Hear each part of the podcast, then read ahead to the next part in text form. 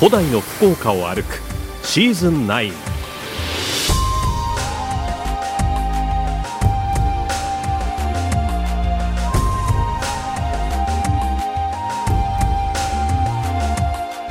遥かな昔海の道からそして陸路を通じて福岡にはさまざまな文化が入ってきました。その足跡を訪ねる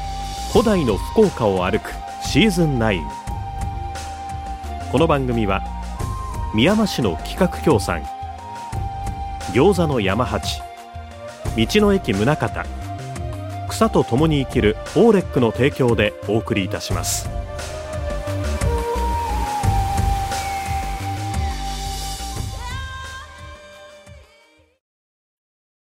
こんばんは坂田修大です。太宰府の特別史跡水木跡を歩いています。先週から西門跡付近をうろうろしています。ご案内を古都太宰府保存協会の学芸員田中健一さんにお願いしています。一緒に歩くのはこの番組の津川ディレクターです。先週は JR 水木駅の前にあります古墳断面広場で古墳の断面を触りました。今週はまた水木駅の方に戻ります。駅の裏の方にあります小さな山を見ていきます。えー、JR の水木駅に近づいてきましたけど少し小高い丘がありますね。ここも実は水木に関連する場所なのでちょっとご紹介していきたいと、はい、えー、高さが2メーターちょっとありますね、えー、そういう土手がですね50メーターぐらいと続いています。これは何でしょうか？実はこう水木を作る際の伝説にまつわる場所でして、はい、ちょうど水木駅側のところにこう解説板があるんですけどもテテコ島ですね。父と子供の島と書きます。テテコ島と水木跡という看板が出てますね。はい、はいでまあ、ご紹介してきました水木跡ですので、まあ、高さが10メートル、長さがまあ1.2キロありまして、まあ、大変大きな土木工事が必要だったわけであります。でまあ、その水木を作る土木工事に関する伝説の一つですね。でこうやって水木を作るために、まあ、木工ですね、いわゆるこう土を運搬するために担いで運んでいた親子がですね、まあ、毎日来る日も来る日も作業してたんだけれども、まあ、ある時にようやく水木ができたぞと、土塁が出来上がったぞという歓声を聞いて、ああ、ようやく完成したかということで力が抜けてで担いでいた土をそこに放り出したと。で、まあ、その放り出した土がですねたくさん集まってきて山となった。でそれがこのテテコ島と呼ばれるようになったと言われる、まあ、まさにこう水木を作る大変な苦労であったり、はい、大変な労力がかかったっていうのを含んだ伝承の一つになっております。えーと単なる土手かと思いましたら、なんか深いですね、奥は。はい、えー、実はですね、パッと見るとですね、ちょっとした小高い、えー、あの土台なんですけど、実はそういう歴史がございまして、はい、でこの伝説の興味深いところはですね、まあ、西門にはこのテテコ島がございますけれども、はい、実は東門の方には同じあの伝承を持つ人もっこ山という山が実はありまして、実は同じような伝説が西門の方、東門の方それぞれ残っていると。あそうですか、はい、で残念ながら東の人もっこ山の方は開発のため失われてしまったんですけども、まあ、西門そばにあるこのテテコ島と呼ばれる、まあ、伝説の地は今もその土台部分がですねあの上は少し作営されてますけども残っているということなので。はい。えー、っとこんもりした山になってるんですね。もともとはもう少しあの上の方があったそうなんですが今はその少し削られましてその土台部分が残っているという形になっております、まあ、2メートルちょっとぐらいの高さになってますね、はい。えー、こんもりした山になっていますテテコ島というそうです、はい、ぜひ伝説の島合わせてご覧になって進んでいただきたいと思います、はい。そして古墳断面広場へ戻り今度は土塁の下から上を見上げますと石碑らしきものが見えましたさて、えー、土塁断面広場津川さんとともに見てきたんですけど実はですねこの断面広場の実は頂上も実は一番高いところも見ていただきたいんですね。そうですか。で残念ながら今日はもう木々が生い茂ってちょっとうっすらしか見えないんですけどもあの一番高いところに石碑が立っているのがそうですはい、ご覧いただけるかなと思います。石碑がね、はい、あ見えます、はい、で実はね水木跡と書かれたあの石碑なんですね。えーであのこの水木跡なんですけども実はあの1921年、大正10年に、まあ、国の史跡に指定をされることとなります。はいでまあ、この場所が史跡になったということで、まあ、それを示すためにですね、えー、指定された次の年、まあ、1922年にですね、はい、あの水木跡ということで、このちょうど土塁断面広場の部分と、後ほど行きます東門のところ2箇所にですねここが水木跡である史跡であるということを示した石碑が建てられたわけなんですね。はいであのこの水木の文字の方なんですけどもどなたが書いたかというと実はその当時筑紫郡だったんですけどもその郡長をしてました伊野鹿治さんという方があの記号で書がうまかったということで書かれてましてで実はあのこの伊野鹿治さんあのこの水木跡だけではなくですね実は他のところもですね例えば、えー、太宰府成長跡の史跡碑であったりあるいはあの国部の河原釜という場所があるんですが、そこも国史跡の碑が立っているのでそちらの火の文字であったり、あるいはあの太宰府天満宮にはクスノキもこちら、はい、あの天然記念物で指定されたんですけども、まあ、その石碑については文字を書いていらっしゃるということなので、ぜひあの他の太宰府聖地は天満宮さんに行かれたときは、その石碑の文字も見ていただければなと思います。で猪鹿さんはこの筑紫郡長を務められたとその最後の方はですねあの現在の飯塚市長なども務められていますので、えー、まあ、ぜひあの飯塚の方なんかはぜひご覧になっていただければなと思っております、えー、そうですか。猪鹿さん、はい、覚えやすい名前ですね。えー、字がうまかったんですね、はい、そういう方が書かれているということちょっとあの現在ちょっと見えづらい場所になっておりますけども、はい、はい、でも見えますよ。あ、はい、ちょっと角度を変えて見ていただくとああ見えますね。そうですね。水木跡という水木跡と見えますね。はい、はい、ぜひあの水木がもう代表するようなところに立っておりますので、はい、ご覧になっていただきたいと思います、えー、2メーターぐらいのね石碑ですね。はい、はい、下から見えます。はい。でそれではこう水木断面広場からですね今度は三笠川の方に向かってさらに東へと津川さんと歩いてあそうですか。はい。じゃあここからその石碑へ向かって歩きますね。登りますね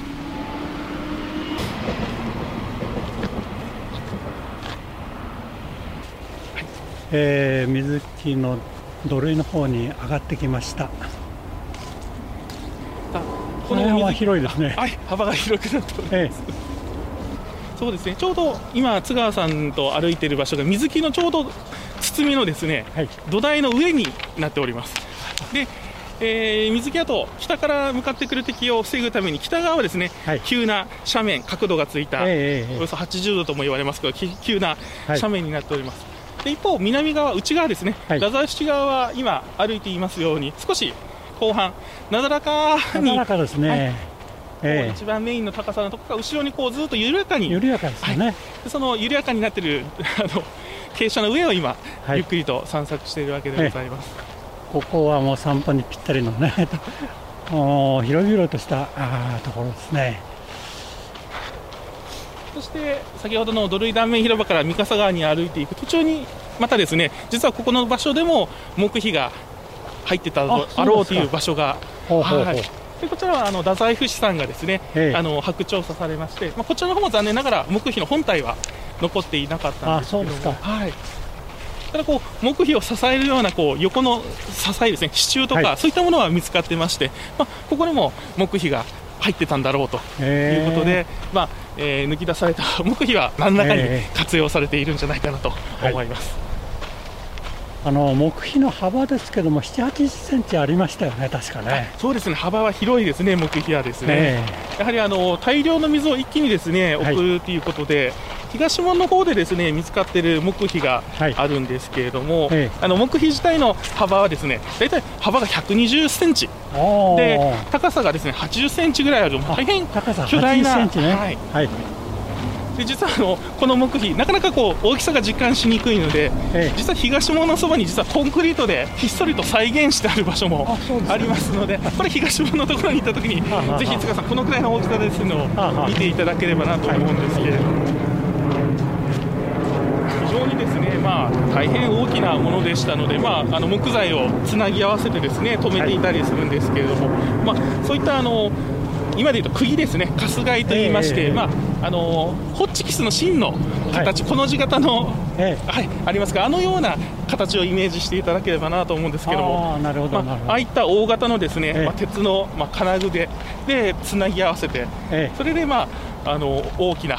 120センチかけ80ぐらいの大きなこう木碑を作りまして、はい。それで、まあ、水を送っていたという形になりますね。なるほど。よくわかりますねホッチキス。形のイメージとしてはそれが一番、ええ。はい、近いものえそんなものでねはい、止めてずっとつなぎ合わせていったという。そうですね、その一つの春日井が、大体重さがですね1.6キロぐらいあるそうなんです。ねです。まさにその大変、まあ、分厚いですね、強固なもので止めてたからこそ1350年、こうですね、機能こう保ってたのかなという気がするんですけれども、はい。そういったところもイメージしながら、そうですね。歩いていただければと。今土塁の横のお広場をずっと歩いてますが、えー正面に九州自動車道が目の前に見えてきました、えーここから段差がありまして、えーちょっと下がってきますね。線路が見えてきました。50メーターぐらい先に西鉄電車の線路が見えてます、えーと土塁がちょっと途切れた部分ですね、えー西鉄電車が東西を横切って走ってます、えーその前に、えー大きな柿の木が1つお2本3本ありますね。ちょうど水木が途切れた部分ですね。はい、えー先ほどの水木断、えー土塁断面広場からずっとですね水木に沿って歩いてまいりましたら突き当たったらですね、えー三笠川が流れておりましてあここで、ね。はいはい。一旦水木が途切れることとなりますで実はですねこの水木三笠川に近い部分ですねちょうどはい。三笠川分含めて大体180メートルほど実は土塁が失われてしまっているんですね。なくなってる。はい。はい。でこの部分のことをあの一般的にはですね決定部欠けた包みの部分というふうに呼んでおります。あー決定部。はいでまあ、この部分がちょうど水木がですね、まあ、長年、三笠川が流れておりますので失われてしまったと考えられているんですけども、はい。まあ、逆に言いますともう自然の力で水木がなくなっておりましたので、えーだからこそですねこの場所を通れば実は水木を壊すことなく通れるということなのでこの三笠川に一番近いところを西鉄西天鉄神ホームです線ね。そして九州自動車道や国道3号線もね、水木のど真ん中を通るわけではなかなか行きませんのであえてこの失われている川のそばの部分をこう際の部分をですね、ええ。通っているという形になっております。な。るほどね。はい。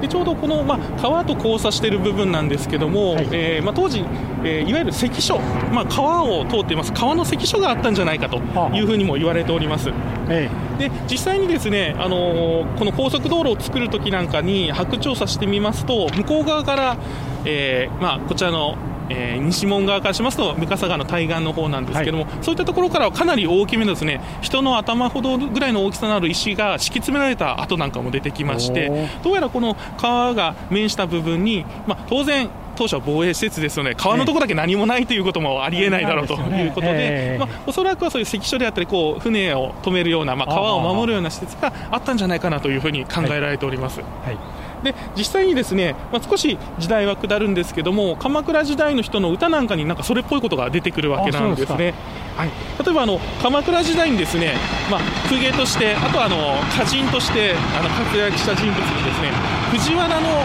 光俊という人物がいるんですけども、はい。まああの僧侶になって神官というふうにもあの呼ぶんですけどもこの方ですねあの後鳥羽上皇と鎌倉幕府が対立した1221年の承久の乱に関連しましてでお都の方から実は太宰府の1年間流罪に流されてしまうんですね。えでまあ、その方あの歌人ですので、はい。まあ、歌が得意ですので、まあ、その時に九州に来た時に次のような歌が残っております「えー夕霧や立ち隔つらん岩垣の水木の関は船もとどめず」ということでどうも九州に来た時の水木の様子を歌った歌らしくてですね、はい。で岩垣のというのは要は石垣。えはい。で水木の関は船もとどめずということで、まあ、どうも水木の関は船が行き交ってたとかそういうところにどうも石垣があったというような歌が残ってますので、まああのー間違いなくあったということは言えないんですがどうもはい。その時代にもそういう痕跡が残っていたんじゃないかなと。はい。まあ、この三笠川の部分に、まあ、水木をまたぐですね、まあ、はい。門のようなものがあったんじゃないかなとはい。いうことをぜひあの推察してそういったことも考えながらぜひ向こう側にまた渡ってみていただきたいなと思っております。はいはい、えーでは今ちょっと途切れた 水木が途切れた部分から向こう岸へ、えー、渡ると、はい。まあ、要するに、ね、この線路の下をくぐって向こうへ行くということですね。そうなんですね。実はこの先端部分できますと本当にもう川の対岸数十メートル先にはこう水木の東側の部分が見えてるんですけどただ残念ながらですね、はい、この水木の西から東にまっすぐ行くことが現在のところできないんですね、はい、ですのであのどうしてもですね東の方に行くにはですねまあ、あの下織駅の方北側の方から回っていただいて、はい、水木橋の橋を渡ってぐるっと迂回していただくか、はい、あるいは南のですね太宰府市側の方に下っていただきまして、はい、えー、そちらの橋の方ですねえー、ぐるっと迂回していただいて、えー、南の方から迂回していただくかっていう、まあ、2つの迂回路があってどちらにしろちょっと直線的ではいけませんので、はい、まあ、今回は、えー、北側の下鬼の方から抜けまして、はい、えー、水木の東側部分へと行ってみたいと思います。はいはいではそちらの方へ歩いていきます。ここでふと足元を見て気づいたものがありました。それは先ほどの石碑とは違った石碑です。見渡しますと同じような石碑がいくつかあります。さあ、ここに、石碑がありますね。はい、今はですね、私と津川さんの前にはだいたい一辺が20センチぐらい、まあ18センチぐらいで、で高さがだいたい80センチだったら1メーターぐらいの石碑が残っております。はい、津川さん、これがですね、あの水木跡の歴史を教えてくれる実は大事な石碑なんですね。あ、そうですか。はい、でこちらの正面の方に回っていただくとですね、はい、ちょっと見づらいんですけれども、えー、正面の方には史跡水木跡教会というふうに書いてあるんですね。そうですか、はい、ちょっとまあ見にくいですそうですね。こちらの部分は半分ちょっと埋まってしまってますけども、はい、この石何かと言いますと、え。えー、先ほどもご紹介しました要は、えー、1921年にここが水木跡が史跡に国の史跡に指定されるんですけども、はい、その時にどこからどこまでが史跡だということがわからないと開発されてしまう。ということでこの範囲が史跡ですよという要は角角にですね、はい、ここの石碑がたくさん建てられましてでこの石碑とこの石碑を結ぶ線は史跡に指定されてますよという、まあ、範囲を示すための石碑なんですね。あそうですか、はい、なので、これまで歩いてきました水木、実はいろんなところにひっそりと立っておりまして、はい、なので、この水木跡を示す範囲がですね、あのえー、令和3年に地元のボランティアさんと私、一緒に調べまして、あの水木跡の方にもですね東側と西側で27本、これ、石碑が立ってると、はい、でこの石碑を結ぶと、100年前に指定された範囲が分かるという、そういうものになってまして、ぜひ皆さんあの、水木跡を散策されて、ぜひこのような石碑を見られましたらですね、ね。あこれ100年前に指摘してした範囲を示すものなのかということでそういったものもぜひ見つけながら楽しんで歩いていただければなと思います、えー、この石碑ですね草の中に埋もれてますので、えー、よく見て、えー、探してください。そして西鉄下織駅へと歩いていきます。えー、水木夢広場を出発して、えー、田中さんにご案内していただきながら、えー、水木をあちこちこう歩いて、えー、西鉄下森駅に来ましたね。そうですね。今ちょうど津川さんと、えー、下織駅に到着いたしました。ちょうどあの西鉄の下織駅といいますと,、えーと、2022年の8月28日にこう雑誌の熊と下織まで公開になりまして、えー、大変便利になりました、えー、今ちょうど目の前にね、はい、その高架部分が見えてますけどね。はい、はい、もう大変駅も綺麗になったんですけども、えー、ありましたね、はい、でこの下織駅、はい、下と言いますと実は対なる上織ももちろんあるわけなんですね。そういうことですね、はい、実はもともとこの一帯は上織、下織に分かる前は大織村となってまして、例えばあの戦国時代なんか太宰府の岩屋城の戦いで有名な高橋城なんかも書状にですね、はい、こう出した書状なんかに大織村っていうふうにも出てくるんですけれども、はい、でその後今のようにまあ下織と上織にまあ分かれたわけなんですけども、はい、で実はこの下織駅からですね、あの駅の前にですね下織南ヶ丘線というまあ綺麗な道路がずっと伸びてるんですけども、ね、はい、で実はこの駅から、えー、南西の方にですね800メートルほど行きますとまあ上織地区があるんですが、はい、ここの上織地区の追松神社に皆さんよろしければ足を伸ばしていただきたいなと。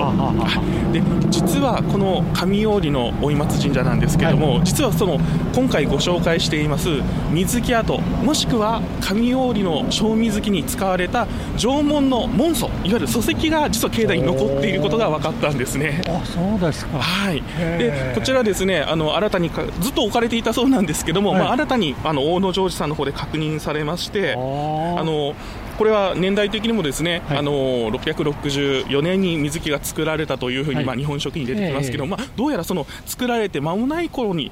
使われてた礎石だろうということでして、はい。あのね、はい、なので実はあの大野城司さんの文化財にも指定されている大変貴重なものでして、まあ、ぜひですね、あの古代お好きな方はぜひご覧になっていただければと思っております。本当につい5年ほど前にあの確認されてですねそれまで境内に置いてあったそうなんですけども、はい、ちょうど柱の穴が開いてるんですけども、はい、改めてその地元の人とまた大野城市の、まあ、教育委員会さんですね文化財の方が確認されて、はい、いやどうもこれは 古いものでやはり柱の門の柱を立てていたものに違いないということであの新たに発見されたということで今も境内に置かれているそうなのでぜひですね。こうそういった実はひっそりと街並みの 中に1300年前の文化財が眠ってますので、はい、見ていただければと思ってご紹介いたしました。そうですね。ぜひ見ていただきたいですね。はい、それでは下織木は今度は東の方ですね、水木跡の東側の部分の方に歩いていきたいと思います、はい、よろしくお願いいたします、よろしくお願いします。今週は太宰府の特別史跡水木跡を歩きましたご案内は古都太宰府保存協会の学芸員田中健一さんでした来週もこの続きを歩きます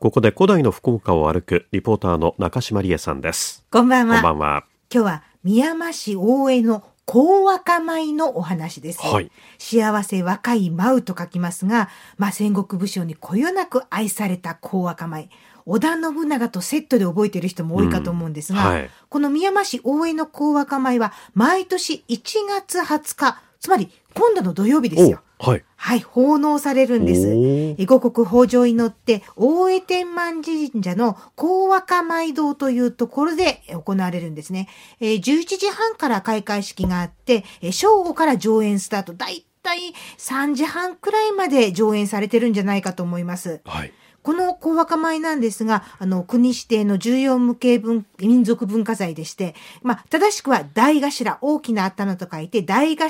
大頭流小若米というんですが、はい、その、えー、演目の一つ、今回発表される、えー、夜打ち蘇我、お稽古中の音声をちょっと聞いて、こんな感じだと掴んでください。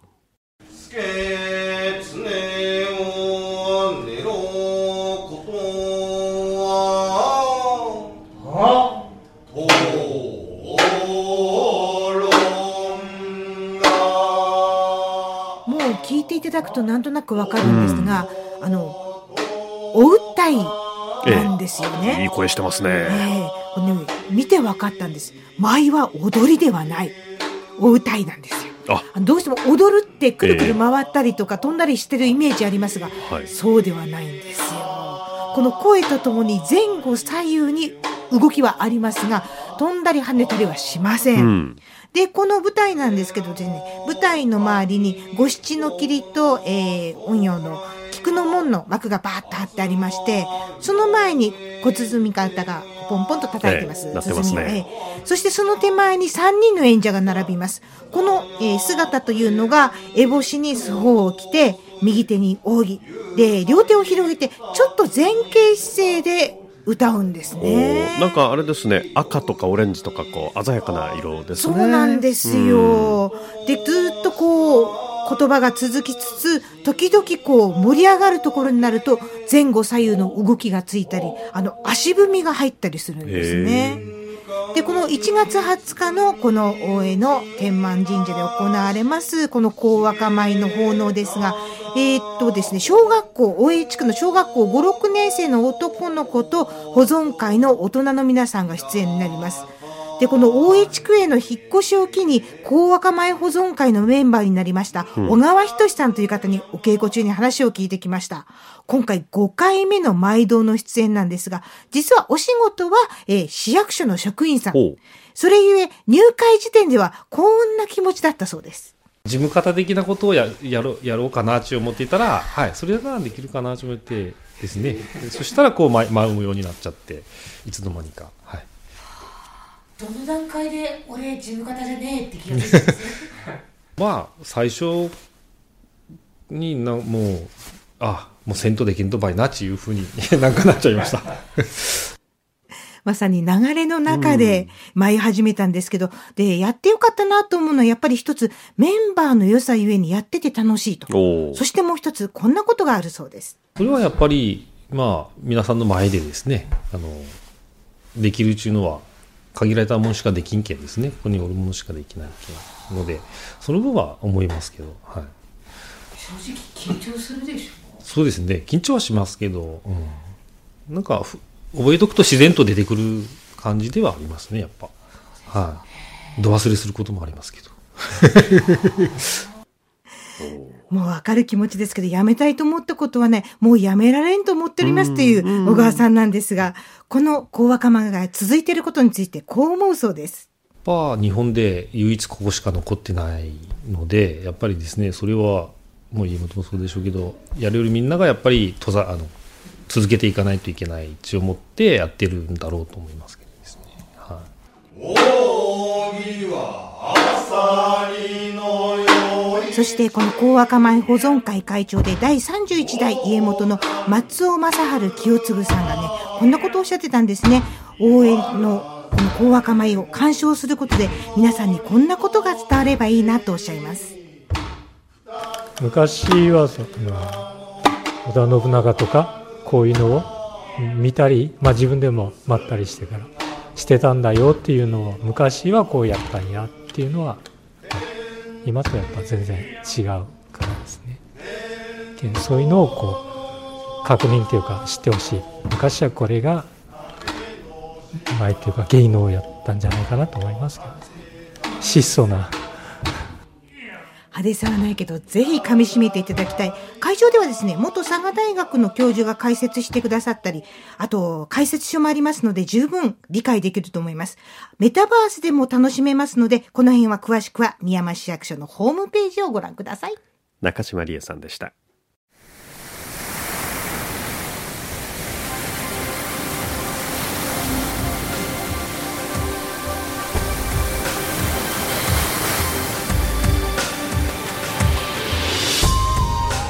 番組のホームページのご案内です。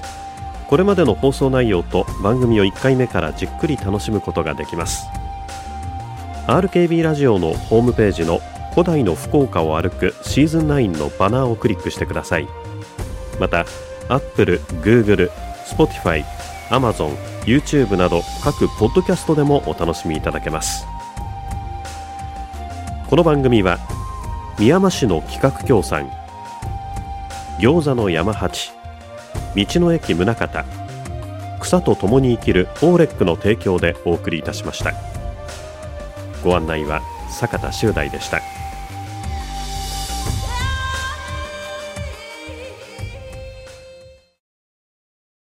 ここで Google ポッドキャストをご利用の方へお知らせです。Google ポッドキャストは2024年6月23日をもってサービスを終了します。引き続きこの番組をお楽しみいただくには、ラジコ、アップルポッドキャスト、スポティファイ、アマゾンミュージック、